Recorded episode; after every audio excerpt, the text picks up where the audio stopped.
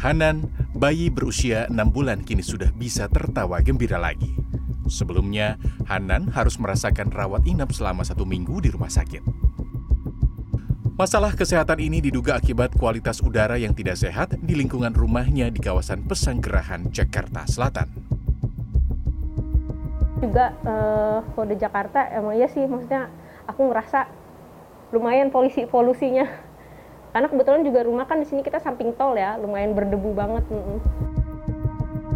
Saat itu, Hanan mengalami gejala batuk, flu, hingga sesak napas informasi dari dokter sih uh, dicek udah napasnya grok-grok parah terus juga uh, dicek uh, napasnya normalnya kan 40 dalam satu menit ini sampai 60 jadi katanya itu udah di apa di luar batas normal makanya uh, informasi dokter ini dirawat aja ya bu Kondisi ini membuat Hanan harus melakukan treatment nebulizer atau menghirup uap yang sudah diberikan obat dengan frekuensi tiga kali sehari.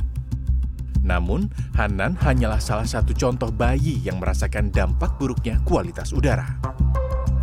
Kualitas udara di Jakarta kini semakin mengkhawatirkan. Indeks kualitas udara yang sehat berada di angka 0 hingga 50.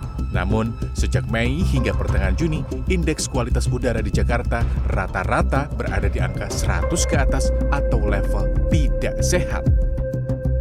Rata-rata tingkat kualitas udara di Jakarta yang berlangsung pada bulan Juni 2023 ini sebesar 140,6. Tentunya hal ini tidak baik bagi kesehatan pada kelompok sensitif, meliputi anak-anak, lansia, dan juga individu yang memiliki penyakit penyerta. Lantas penyakit seperti apa saja yang dapat timbul akibat tingginya tingkat polusi udara di Jakarta? Dokter Umum Rumah Sakit IRC Alia Zafira menyebut, buruknya kualitas udara di Jakarta dapat menyebabkan berbagai masalah kesehatan, terutama penyakit pernafasan. Polusi ini yang paling utama tadi ke saluran pernafasan eh, dan juga uh, bisa juga ke kulit atau mata yang paling utama mungkin uh, bisa ke kanker paru gitu yang uh, berhubungan dengan saluran pernafasan bisa juga dengan kanker faring, kanker laring, itu juga mungkin karena kan itu merupakan saluran pernafasan. Alia menambahkan, ada beberapa upaya yang dapat orang tua lakukan untuk menjaga anaknya terhindar dari paparan polusi.